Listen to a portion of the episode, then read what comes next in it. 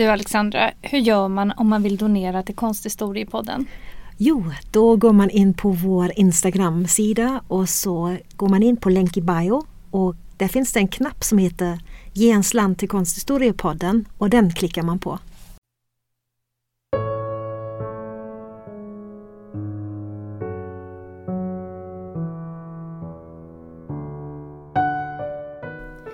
Hej och välkomna till Konsthistoriepodden. Jag heter Alexandra Frid. Och jag heter Alexandra Härlitz och idag har vi tagit oss an ett verk ur John Jonssons samling på Bohusläns museum och valde då ett kanske lite otippat verk, nämligen Julius Kronbergs målning Drömmen och den är daterad till 1883. Det är ett verk i ganska nätta dimensioner för att vara från Kronbergs hand något som vi kommer tillbaka till senare. Det är nämligen bara 33 x 43 cm och är målad i olja på duk. Vi valde Julius Kronberg av alla verk i den fina Jonsson-samlingen för att vi tycker det är en väldigt intressant konstnär som fick sitt genombrott bara 26 år gammal, var väldigt framgångsrik under sin levnadstid men har drabbats av att bli nedvärderad när den modernistiska konstsynen fick bäring i början av 1900-talet och har därför i princip under de senaste hundra åren hamnat som en udda fågel lite utanför vår konsthistorieskrivning. Men för inte så länge sedan, på 2010-talet, blev hans konst tack vare ny forskning om honom omvärderad igen och han fick inta sin rättmätiga ställning i den svenska konsthistorien. Vi tycker om att hitta en väg in i ett verk som börjar i vår egen tid, eller ja, nästan vår egen tid, för att visa hur ett konstverk eller en konstnärskap har sin egen historia fram till vår egen samtid. Så vi har valt att starta med detta skivomslag till Abbas skiva The Visitors som var bandets åttonde studioalbum och som släpptes den 30 november 1981. Och det är ett skivomslag som nog många har sett eller till och med hållit i händerna utan att kanske tänka mera på vad som är avbildat på omslaget eller vad det är för rum som är avbildat. Man ser ju bandets fyra medlemmar Agneta, Annifrid, Björn och Benny utspridda i ett ganska mörkt rum. Men allt eftersom så ser man möblerna i en historiserande stil och många mindre och även den stora tavlan i bakgrunden. Så vad är ABBA och vad var tanken med att placera dem i det här rummet? Bandet ABBA är på detta omslag i Julius Kronbergs ateljé och det kanske är många av er som har varit i den för den finns att beskåda på Skansen i Stockholm. Ateljén hade ursprungligen byggts ungefär 1890 efter Kronbergs egna ritningar. Men inte på Skansen utan på Lilla Skuggan som är ett område på Norra Djurgården i Stockholm. 1912 byggdes ateljén ut. Det var först efter Julius Kronbergs död 1921 då hela ateljébyggnaden köptes av grevinnan Wilhelmina von Hallwyl som var väldigt förtjust i Kronbergs konst och hade köpt många verk av honom under hans livstid. Wilhelmina von Hallwyl donerade byggnaden sedan till Nordiska museet och då beslöt man att ateljén skulle flyttas till Skansen där man alltså än idag kan se hur konstnärens arbetsplats såg ut en gång i tiden. Varför det blev en bild i Kronbergs ateljé på skivomslaget det har att göra med både skivtiteln The Visitors och låten på albumet Like an angel passing through my room. Rune Söderqvist som designade albumet tänkte att besökarna i skivtiteln kunde just vara änglar och kom ihåg Julius Kronbergs många målningar som visar änglar och fick då idén att skivomslagets plåtning skulle äga rum i Kronbergs ateljé på Skansen. Och mycket riktigt syns på den nästan fem meter höga målningen bakom bandet en figur med vingar. Det är guden Eros som står på ett högt stenaltare med armarna stödda mot en pilbåge. Och det är denna målning som har faktiskt gett namnet Eros-ateljén åt detta rum i Kronbergs ateljé på Skansen. Och också konstverket som vi har valt idag innehåller en av Kronbergs många änglar. En liten amorin som ser ut som ett litet barn med busigt utseende och en liten pilbåge med vilken förälskelsens pilar brukar skjutas. Just när det gäller Julius Kronbergs konstnärskap är det nog så viktigt att hoppa lite fram och tillbaka i tiden för att få en tydligare bild om hans verk och hur man ska se på det. Vid första anblick ser nog många att Drömmen inte är likt andra svenska verk som kom till i början på 1880-talet. Om man tittar på andra svenska konstverk från just 1883, som är året som Kronbergsdrömmen har daterats till, så ser man en tydlig skillnad. Det är en tid då många av de konstnärerna som senare skulle bli de mest berömda i den svenska konsthistorien antingen befinner sig i Frankrike eller målar starkt präglad av den franska konsten. Framförallt friluftsmåleriet och den naturalistiska framställningen av motiven har tagit stora intryck av den franska konsten. Utifrån en sådan jämförelse framstår Julius Kronbergs verk som annorlunda men det betyder inte att Kronbergs målningar inte var moderna eller populära. Vi ska berätta lite mer om Julius Kronberg. Han föddes den 11 december 1850 och efter en tids teckningsundervisning i hemstaden Karlskrona eh, genom en kommendörkapten sökte han sig till Stockholm när han bara var 13 år gammal och där började han att jobba på en fabrik. Men man kan nog anta att han hade siktet inställt på att börja på Konstakademins principskola då han ganska snart knackade på dörren till Konstakademins direktör, skulptören Carl Gustav Kvarnström. Efter att ha visat upp sin talang för Kvarnström fick Kronberg börja på Principskolan, bara 13 år gammal.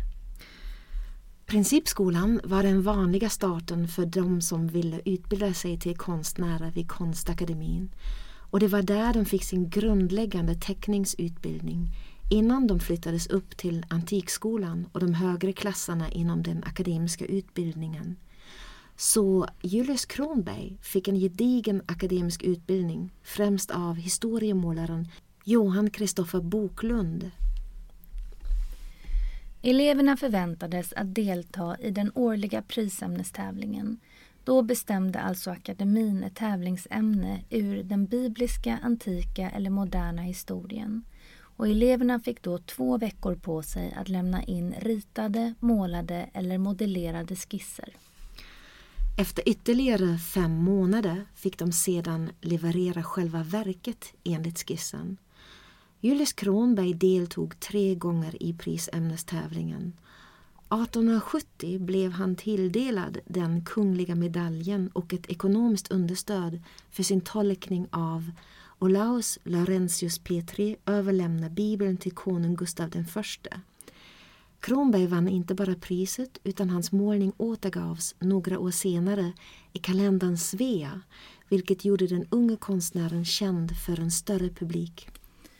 Som medaljör i prisämnestävlingen var det inte otippat att han några år senare blev tilldelad statens stora resestipendium och då bar det iväg till Central och Sydeuropa. I tre år fick han resa på stipendiet och denna resa fick han sedan även förlängning för ytterligare två år till december 1877. Kronberg började sin resa i Köpenhamn och fortsatte mot Düsseldorf Därifrån tog han sig vidare till Paris men kom på kant med några av de äldre svenska konstnärerna i stan. Han beskrev i breven till sin konstnärskamrat Georg Pauli att han gärna hade stannat i Paris men att han efter att ha trotsat dem i några veckor inte längre stod ut med deras översitteri och packade sina saker för att åka tillbaka till Düsseldorf och sedan därifrån till München. I München anslöt han sig till det storslagna historiemåleriet vars främsta företrädare var Carl Theodor von Piloti. Där blev han kvar i flera år och målade många verk innan han reste längre söderut. Han valde nu Italien och Venedig. Efter att stipendiet hade tagit slut stannade Kronberg i Italien där han bosatte sig i Rom för att arbeta där fram till 1889. Bara genom hans resande till främst München och Italien ser man hur han hittade andra inspirationskällor än många av hans samtida konstnärskamrater och Kronberg själv sa att mycket skulle blivit annorlunda om han hade stannat i Paris. Redan under stipendiattiden utomlands fick Julius Kronberg ett sensationellt genombrott med sin konst. Målningen Jaktnymfen arbetade Kronberg med både i Düsseldorf och München och när den slutligen visades på Nationalmuseum i Stockholm 1876 var Kronberg väldigt nervös. Och det visade sig att han var det helt i onödan för hans tavla väckte mycket uppseende. I tidningar rapporterades om en ström av mellan 3000 till 5000 personer på en söndag. Alla skulle se Kronbergs målning som visades i tonsalen på övre våningen. Nationalmuseum köpte Kronbergs tavla för hela 6 000 kronor och verket skulle bli hans genombrott i Sverige. När August Strindberg skrev en recension om utställningen i Dagens Nyheter skrev han Fall ned och tillbed måleriets triumfator. För det är viktigt att inte förglömma Julius Kronberg var en mycket framgångsrik målare. Att han försummades sen i vår konsthistorieskrivning har en helt annan anledning.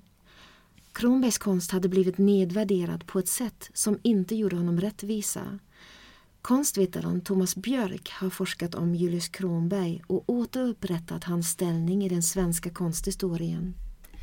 Enligt Thomas Björk så var Julius Kronbergs största misstag att han inte klart nog tog ställning för Konstnärsförbundet mot Konstakademin i Stockholm. Kronberg hade 1876 kallats till agré av akademin och 1881 blivit ledamot. Julius Kronberg anställdes just 1885 som vice professor på Konstakademin. Det var ett särskilt ödesdigert år att bli akademiprofessor för en konstnär som var vän med många konstnärer i den grupp som kallades för opponenterna. Den grupp som alltså senare skulle bli Konstnärsförbundet 1886. För 1885 var året då konflikten mellan opponenterna och Konstakademin var som hetsigast. Tio år senare skulle Kronberg bli ordinarie professor och undervisa i figurteckning och målning. Det var dock inte så att han trivdes i sin position vid Konstakademin och det fanns en del motsättningar med de äldre kollegorna som han kände sig förminskad av och tillrättavisad av. Slutligen lämnade han själv in avskedsansökan 1897 för att återfå friheten som han skrev i ett brev till kamraten Gustav Cederström. Hans ansökan kom att beviljas när han tog tjänstledigt i början av 1898. Hur som helst, att Kronberg i striderna mellan Konstakademin och Konstnärsförbundet inte blev den förmedlande länken mellan de två sidorna togs väldigt illa upp. För det var nog det som Konstnärsförbundet hade hoppats på. Konstnären Richard Berg som var sekreteraren i Konstnärsförbundet var rasande på Kronberg och utbrast förbannelse över K som han ansåg saknade den största av alla dygder, uppriktighet. När man läser om Kronbergs tid som professor på Konstakademin och allt motstånd han själv mötte där så förstår man dock att han trots allt antagligen inte ens var i en position där han kunde påverka denna enorma konflikt mellan Konstnärsförbundet och akademin. Tyvärr för Kronberg är det ju så att inte bara historien utan även konsthistorien skrivs av segrarna och Konstnärsförbundet kom att bli den ledande konstnärsgruppen i 1800-talets Sverige som enligt vår konsthistorieskrivning gick segrande ur konflikten med akademin. De positionerna som många av förbundets medlemmar intog i den svenska konstvärlden ledde till att de blev viktiga auktoriteter på fältet. De skrev många publikationer om sin egen samtidskonst och konsthistoria och fick på så sätt i princip skriva sin egen konsthistoria som länge förblev oemotsagd. Men förbannelsen som Richard Berg verbalt kastat över Kronberg blev sann och Kronberg fick i den svenska 1800-talets konsthistorieskrivning en undanskymd roll som han länge skulle få behålla. Inte nog med det. Julius Kronberg gick bort 1921 och som sig bör gjordes det en retrospektiv utställning med hans konst på Liljevalchs konsthall i Stockholm 1923. Men på 1920-talet rådde en helt annan, en modernistisk konstsyn och smak och Kronbergs alster utdömdes av skribenter som en konstnärlig sockersjuka och Kronberg själv beskrevs som den sliskiga idealismens materialistiska målare. Konstkritikern August Brunius skrev att Kronberg hade en dålig smak för söta fantasier. Man var helt oförstående inför hans konst och skrev nedvärderande om denna konstnär som redan innan dess hade blivit snuvad på en mera rättvis plats i den svenska konsthistorien. Det var helt enkelt fel tid för en retrospektiv utställning om Kronberg. Men den nedvärderande synen på Julius Kronbergs konst kom att hålla i sig ända fram till 2000-talet.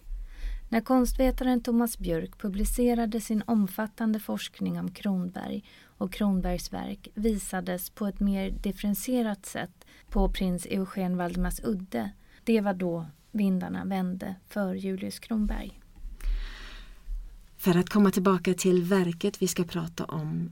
Hur berömd och hur populär Julius Kronberg och hans konst var under hans livstid blir väldigt tydligt i källmaterialet om målningen Drömmen som vi tittar på idag. I målningen Drömmen ser vi en ung och elegant dam som är målad helt enligt 1700-talets mode. Hon bär en blå klänning med vit spets och små rosa rosetter och hennes uppsatta hår är vitpudrat. Hon har lagt ett musikinstrument, en luta, i sitt knä och slumrat in. Hon vilar sitt huvud mot armen som ligger på en stenbalustrad. En liten bevingad amorin klättrar upp på andra sidan stenbalustraden och viskar med busig blick något i den sovande kvinnans öra. På hennes vänstra sida står det en stor trädgårdsurna i blått och vitt fajans planterad med växter och röda blommor. I bakgrunden skymtar ett större parklandskap med broderiparterrer, alltså rabatter som är anlagda i mönster, vilket var kutym i den franska barockträdgården. Man kan i tidigare katalogtexter läsa att scenen utspelar sig i ett italienskt parklandskap. Men egentligen är det ju ingenting som talar för just det. Det är nog snarare så att man har dragit slutsatser att Kronberg gjorde denna målning under en tid då han var bosatt i Italien. Kronberg var bosatt i Rom sedan hösten 1877 och hade sin ateljé där tills han återvände till Stockholm 1889. Men målningen härstammar inte från Italien och det får vi veta mycket på grund av Julius Kronbergs berömdhet under sin livstid. Det fanns nämligen ett så stort allmänt intresse för Kronberg att det skrevs om honom i många svenska tidningar. Från Allingsås veckoblad till Gävleposten skrevs det om när Kronberg vistades i Sverige och vad han gjorde under sina besök i hemlandet. Och så också den 1 augusti 1883. Då fick man läsa Julius Kronberg, vår unge berömde målare som för närvarande vistas i Stockholm, kommer att här kvarstanna i omkring två månaders tid. Och en månad senare, i september 1883, då skrivs det till och med om målningen Drömmen som Kronberg arbetade med under sin Stockholmsvistelse men som då ännu inte hade fått ett namn. Och då kan man läsa under sitt besök i Stockholm innevarande sommar, vilket huvudsakligen avsett rekreation i ett svalare klimat, har vår framstående målare Julius Kronberg icke låtit penseln vila. Han har nämligen förhyrt herr Jakob Kulles ateljé vid Brunkebergs torg medan denna konstnär själv är borta på resa och den förnämsta frukten av Kronbergs verksamhet under de senaste månaderna har blivit en tämligen stor duk som nu är nära färdig och lovar att mäta sig med de bättre av hans arbeten. Till denna tavla, vilken ännu icke fått något namn, är motivet lånat från Drottningholm och den kvinnofigur som upptager mittpartiet föreställer en ung förnäm dam från gustavianska tidevarvet. I bakgrunden till vänster syns en del av Drottningholms park och något närmare till höger ett stycke av trädgårdsanläggningarna, båda partierna troget återgivna efter naturen. Eftersom tidningsartikeln skrevs när verket fortfarande var under arbete har skribenten nog sett det i Kronbergs ateljé och antagligen fått höra Kronberg berätta själv om sitt motiv. Antagligen har Kronberg då själv berättat att det är den barocka trädgårdsanläggningen på Drottningholm som utgör kulissen för målningen och inte ett italienskt parklandskap. Dessutom förklarar artikeln varför ordet kull står handskrivet med blyerts på nedre delen av ramens baksida. För det var Jakob Kulles ateljé Kronberg målade och påskriften står på något sätt i förbindelse med denna omständighet. I början på oktober 1883 verkar målningen ha blivit klar och såld. För det är då tidningsnotiser gällande målningen som dyker upp i diverse tidningar igen. Och då kan man läsa en samtida tolkning av verket i Norrköpings tidning den 4 oktober 1883. Hon har inslumrat, vaggat till sömns av svärmande tankar och toner. Det lilla pudrade huvudet har sjunkit ner på armen och båda vilar på trädgårdsbalustraden vid vilken hon suttit. Lutan, hennes förtrogna, vilar i hennes knä. Parken öppnar sig strax utanför och liksom en gammal mormor vakar den där stora blå och vita fajanskrukan med sitt gapande huvud över att ingen må störa slumrerskan. Men icke kan hon hindra den vingade skalken, lilla Astrid, som flickan kanske sjungit om, från att sväva dit och i den ungas öra viska sina förtjusande hemligheter. Flickans anlete ler i drömmen, men pilten vet också vad han förtror henne. Det ser man på hans spelande blick, hans hjärtligt spetsade mun. Och Astrid är ju då ett gammalt namn för kärleksguden Amor. Det är intressant hur fajanskrukan tolkas som en gammal mormor som vakar över den unga kvinnan. Det är en så kallad maskaron, ett stiliserat ansikte som ofta är överdrivet eller grinande. Det är en utsmyckning som redan tillkom under antiken. När en skolad historiemålare som Kronberg placerar en sådan maskaron i en komposition så händer det inte utan baktanke. Det är lite svårtolkat i detta fall men kan nog ses som en kommentar till scenen som tolkaren från 1883 mycket riktigt iakttog. Ska man vara riktigt noggrann, och det ska man ju såklart, målningen som omnämns i de svenska tidningsartiklarna egentligen inte vår målning här på Bohusläns museum. För det beskrivs i en tidningsartikel från 5 oktober 1883 att just denna omskrivna målning, som heter Drömmen, köptes för några dagar sedan för 3500 kronor av kaptenen Johan Adolf Berg och att den ingick i hans samling som senare donerades till Stockholms universitet. Denna samling utgjordes till stor del av 1700-talsverk av Tiepolo, Alexander Roslin och Per Hilleström. Så man förstår hur Julius Kronbergs målning platsade i hans samling. Och den målningen som i tidningarna 1883 kallades för Drömmen heter nu för tiden Inslumrad eller Insomnad och finns i Stockholms universitets konstsamlingar. Nu får vi alltså titta närmare på de här två verken. Ser vi på Drömmen från Bohusläns museum så är det för det första en målning med ganska små dimensioner. Målningen är bara 43 gånger 33 centimeter medan Inslumrad är en målning på 94 gånger 190 centimeter, alltså i en storlek som är mera typisk för Julius Kronberg. Om vi tittar på målningarna ser vi att Drömmen från Bohusläns museum saknar den eleganta finishen som finns i målningen som kapten Johan Adolf Berg köpte. Medan kvinnans ansikte och hårparti är ganska väl utarbetade och skiljer sig mest i det avancerade ljus och skuggspelet på den sovande kvinnans ansikte så ser vi det grova penselarbetet i kvinnans klänning.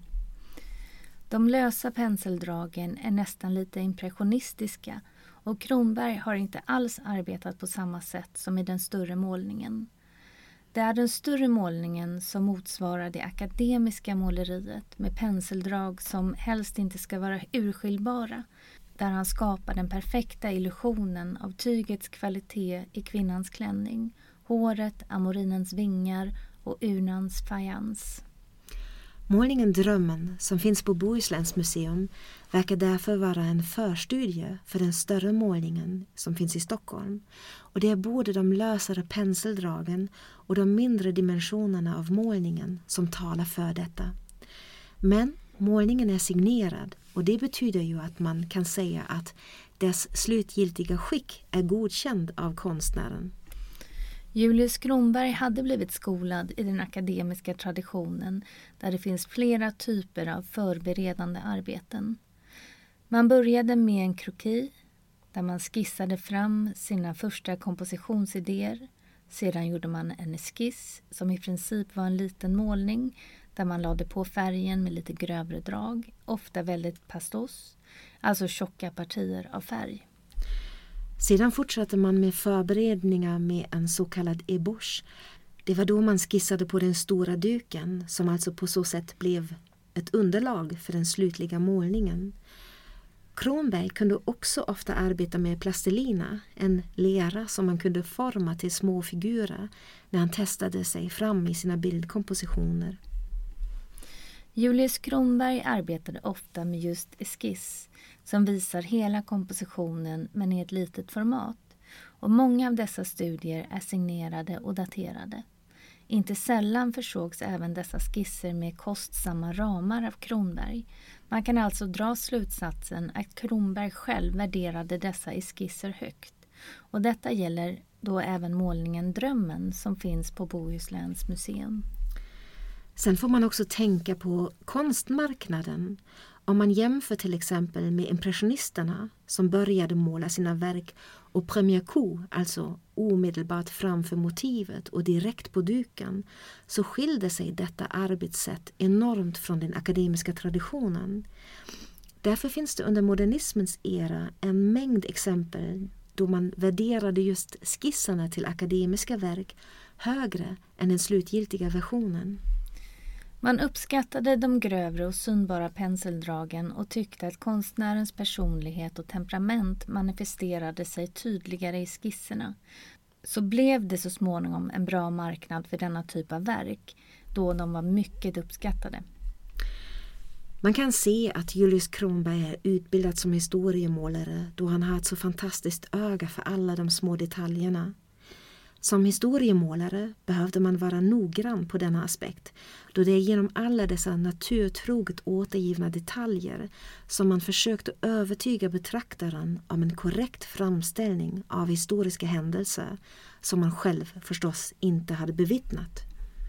Men man skulle ju skildra dem på ett sätt som skulle suggerera att det var så här det hade utspelat sig och därför har man i historiemålningar alltid en mängd av detaljer som ska placera scenen i sitt historiska kontext. Kronberg målade även i Drömmen klänningen helt moderiktigt i 1700-talets stil med ett snitt som lämnar både halsen och armarna fria. Och även om bilden inte är historiemåleri utan innehåller ett fantasiinslag så ser man med vilken detaljrikedom Kronberg skildrar scenen som den skickliga bildberättaren han utbildades till i historiemåleri. Den lilla amorinen som i sömnen viskar i den unga flickans öra verkar precis ha klättrat upp på balustraden hållande sin pilbåge i vänsterhanden. Man ser genom balustraden hur han står med sina små knubbiga fötter på balusterdockan och till och med får stå på tå för att överhuvudtaget nå upp till den unga damens öra. Amorinens lite busiga uttryck blir betonad genom att hans huvud sätts direkt bredvid det milda och eleganta uttrycket av den sovande kvinnans ansikte. Denna blandning mellan allvar och humor finns det ofta i Kronbergs verk. Kronberg målar här en bild ur fantasin men han tar sig an uppgiften som en sann historiemålare. För även om amoriner är mytologiska varelser så är de djupt förknippade med 1700-talets konst där de ofta virvlar runt i kompositioner. På så sätt hör amorinen hemma i en målning som ska ge liv åt en scen från 1700-talet.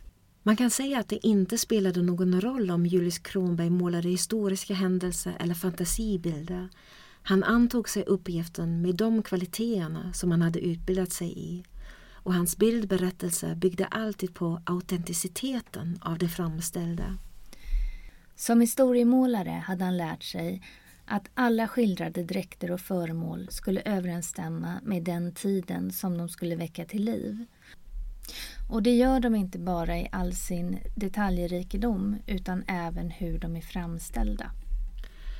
I många av Kronbergs verk kan man känna i fingertopparna hur materialet han målar med olja på duk skulle kännas om man skulle vidröra det. Siden och sammet, hår och fjädrar, porslin och silversmycken. Kronberg kunde framställa alla material på ett sätt som kunde efterhärma dessa föremåls taktila kvaliteter. Vi vet som betraktare hur allt skulle kännas om man rör vid det.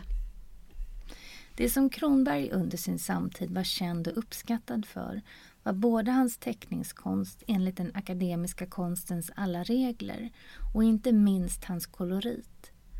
Konstskribenten Georg Nordensvan skrev att den internationellt berömda österrikiske konstnären Hans Mackart, som Kronberg själv beundrade, aldrig lärt sig att teckna så kraftigt och så korrekt som Kronberg och menade att Kronberg hade tvättat sin palett ren i Italien.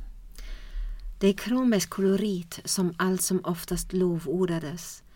Redan 1876 hyllade Strindberg i sin förut nämnda konstkritik av jaktnymfen konstnären Kronberg som en magnifik kolorist och 1884 kallade konstkritikern Claes Lundin Kronberg en färgkonstnär av första rang. Konstkritiker lyfte återkommande den ovanliga färgprakten i Kronbergs verk.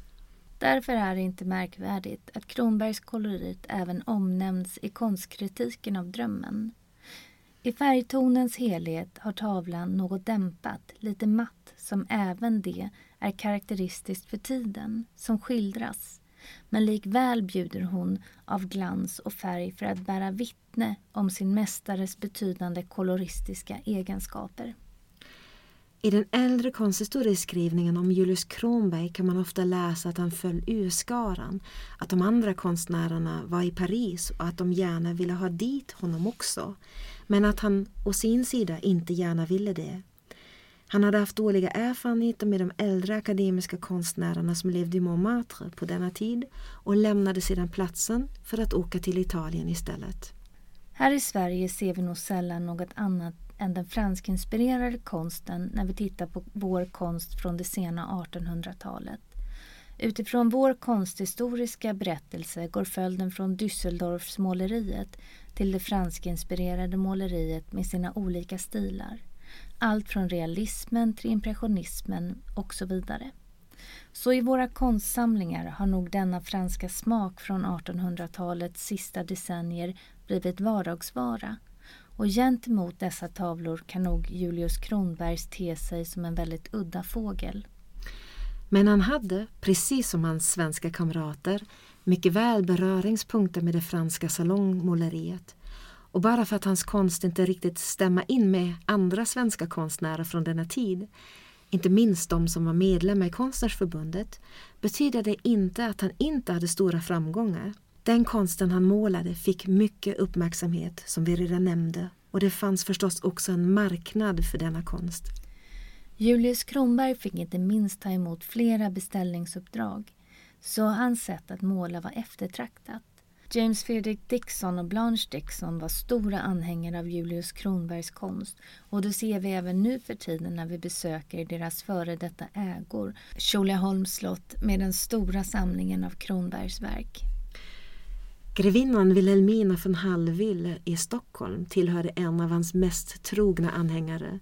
Tillsammans med sin make Walter von Hallwyl hade hon låtit uppföra privatpalatset på Hamngatan 4 i Stockholm, det nuvarande Hallwylska museet. Och när det stod färdigt 1898 fylldes det med konst. Arkitekten bakom huset, Isak Gustav Claesson, var en nära vän till Julius Kronberg och vände sig till honom för den konstnärliga utsmyckningen av huset, såsom takmålningar och dörröverstycken. Välbeställda konstsamlare som Johan Adolf Berg som köpte Inslumrad, Wilhelmina von Hallwyl och paret Dixon hade en förkärlek för rokokon som låg i tiden. I Frankrike började intresset för 1700-talets konst att väckas till liv igen efter den napoleonska eran. Under franska revolutionen hade kungahusets och adelns konstsamlingar skingrats och många rokokokonstverk hamnade i samlingar utomlands. Det fanns liksom i samband med franska revolutionen en önskan att sudda ut denna period.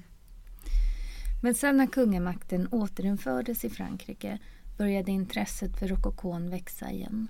Delvis härleder man det till kejsarinnan Eugenie och hennes förtjusning i allt som hade med Marie Antoinette att göra. Så hon gjorde stora ansträngningar att hitta och samla allt som hade tillhört henne tidigare. Nu började man på flera håll att nostalgisera runt rokokokonsten och hålla till och med kostymbaler i stil med Antoine Watteaus 1700-talsmålningar så som han målade dem i sina så kallade fête galante som visade utklädda adelsmän strosa runt och dansa genom drömska franska trädgårdslandskap. 1800-talets nyrokoko fick också en nytändning i andra länder. Till exempel så har vi den tyske målaren Adolf Menzel som var hovmålare för den preussiska kungen Fredrik III och som utförde efter kungens önskan historiserande målningar som visar 1700-talsmotiv. Och bland svenska konstnärer är det inte bara Julius Kronberg som anslöt sig nyrokokon. Hugo Salmson var en av de målarna som målade nyrokokomotiv under sin tid i Paris. Och Carl Larsson inkorporerade inte bara möbler i den så kallade bondrokokon i sitt hem, alltså lite enklare rokokomöbler som ändå har de karaktäristiska svängda benen. Utan han målade också ett flertal motiv under sin tid i Paris och i konstnärskolonin i Grès som gick helt i nyrokokons anda. Julius Kronberg hade studerat och kopierat verk av 1700-talskonstnären Giambattista Tiepolo och andra 1700-talskonstnärer på sina resor. Så det kom nog ganska naturligt för honom att ansluta sig till 1800-talets nyrokokostil som var populär bland de som var hans främsta samlare och beställare. I sin målning Drömmen går Kronberg tillbaka till den franske rokokokonstnären Jean-Honoré Fragonards motiv. Fragonard hade målat en rad insomnande damer men hans målningar har ofta en erotisk frivol atmosfär. Kronbergs målning Drömmen har däremot tolkats mer utifrån intresset för människans psyke och drömmar som var stort i hans samtid, vilket vi ser som starkast i den samtida symbolismen. I drömmen förlorar vi uppfattning om tid och rum och kan befinna oss i svunna tider. Det blir nästan som en lek i målningen. Vad är verkligt och vad är inte det? Är det just den busiga amorinen som är en del av drömmen eller är hela scenen en dröm? Där en ung kvinna fantiserar om att leva hundra år tidigare. Nu har vi pratat en del om de olika konstsamlarna i Sverige som samlade och beställde verk av Kronberg. Men vi har ännu inte berättat hur verket Drömmen hamnade på Bohusläns museum i Uddevalla. Och det är en ganska intressant historia som för oss till den förmögne affärsmannen och konstälskaren Jon Jonsson och en taxeringstvist som ledde till att konstsamlingen inte hamnade i Ulricehamn utan i Uddevalla. John Jonsson föddes i Naverstad i norra Bohuslän år 1861. Hans samling bestående av 67 målningar införlivades i museisamlingen i Uddevalla 1944 och var då en ansenlig samling med blandade verk från 1600-talets holländska konst via 1700-talskonst och en hel del 1800-talskonst från Sverige. Jan Jonsson hade gått i skolan i Uddevalla så det är hans förbindelse till staden. Han flyttade dock senare till Göteborg där han gjorde sig en förmögenhet på handel med vin innan vin och spritmonopolet infördes. Han hade börjat samla konst, antikviteter, porslin och äkta mattor sedan han var 30 år gammal, alltså på 1890-talet. Efter att ha varit bosatt i Stockholm från 1904 och 25 år framåt gick flyttlasset 1928 till Ulricehamn där han köpte ett stort hus, Villa Hemmet, till sig och familjen. Jonssons levde ganska tillbakadragna och John Jonsson brukade bara kallas för miljonären av folk i trakten. Efter hans norskfödda fru Ingeborg dog 1932 verkade John Jonsson fundera allt mer på sitt testamente och framför allt vad som skulle hända med hans konstsamling. Och det började skrivas en lång rad med testamenten med olika ändringar. 1933 föreskrevs att Villahemmet och hela konstsamlingen skulle tillfalla Ulricehamns stad och av staden förvaltas som Ingeborg och John Jonssons stiftelse för bildande konst. Men så blev det inte. 1943 bestämde John Jonsson att hela hans tavelsamling skulle gå till Uddevalla stad, vilket kom som ett dråpslag för Ulricehamnarna. Man försökte att förstå vad som hade föranlett denna ändring av testamentet och tillsatte en undersökningskommission. Man ville helt enkelt veta vem som bar skulden för att Ulricehamn blev snuvad på den fina konstsamlingen. Det gick inte riktigt att konkret bevisa vad som hade hänt men misstankar riktades mot borgmästaren greve Spens. Det var borgmästaren som också var ordförande i taxeringsnämnden och John Jonsson hade blivit indragen i ett taxeringsmål. Då Jonsson hade deklarerat på heder och samvete kände han sin heder ifrågasatt och ändrade sitt testamente till Uddevallas förmån. När museiintendenten Sten Kristiansson i Uddevalla under hösten 1943 fick ett brev av Jonsson där han förklarade sin avsikt att skänka sin konstsamling till Uddevalla museum kände Kristiansson varken till Jonsson eller hans konstsamling och blev väldigt förvånad när han kom upp till Ulricehamn och såg konstskatterna som fanns där. 1951, när Jonsson dog, skulle det trots allt inte bli helt lätt att få samlingen till Uddevalla då Jonssons söner tog ut stämning. De menade att deras far hade varit senil sedan 1943. Det blev en långdragen process om denna värdefulla konstsamling som redan på 40-talet värderades till 700 000 kronor. Men i mars 1953, två år efter Jonsson hade gått bort, kunde man i slutändan komma överens om att bryta två Düsseldorf-tavlor ur samlingen som skulle tillfalla sönerna samt ett belopp på 240 000 kronor. Annars kunde man faktiskt hålla samlingen samlad och så småningom även exponera den till allmänheten, vilket var fastställt i testamentet. Den 24 september 1953 kom John Jonssons tavelsamling fram till Uddevalla. Det hade inte varit helt lätt för Uddevalla att få den, men den kom att utgöra en viktig kärna i museets konstsamling. Tillbaka till Julius Kronberg. Efter han hade lämnat sin position som professor på Konstakademin verkar han mer och mer ha kommit på kant med det svenska konstlivet och han verkar ha dragit sig undan mer och mer och fokuserat på sin egen konst. När Kronberg dog 1921 var han märkt av sjukdom och hade också länge fått leva med ett oförstående som hans konst togs emot med. Enligt hans hustru Ellen Storm målade han i sin ateljé där han isolerade sig. Egentligen var Julius Kronberg den perfekta akademiska konstnären som under hela sitt liv hade utvecklat sin virtuositet i teckning och kolorit, i bildkomposition och berättelse. Men i konsthistorieskrivningen skulle han bli framskriven som den konservativa och gammalmodiga som inte alls verkade ha förstått att konsten hela tiden måste vidareutvecklas. Så hur ska vi möta Julius Kronbergs konst idag? frågar Thomas Björk i sin monografi om konstnären. Och hans egna svar på frågan är att det kan vara bra att ignorera kritikernas och konsthistorikernas ointresse och närma sig målningarna med nyfikenhet och med öppet sinne. Han skriver att bara då kan Kronbergs virtuositet träda fram och göra honom rättvisa hans lovordade kolorit och hans teckningskonst och just blandningen mellan högt och lågt, mellan allvar och humor. Och bara då kan Kronberg återta den plats som han borde ha fått från början i den svenska konsthistorieskrivningen, nämligen som en av det sena 1800-talets främsta konstnärer i Sverige. Och det kan man nog bara hålla med om.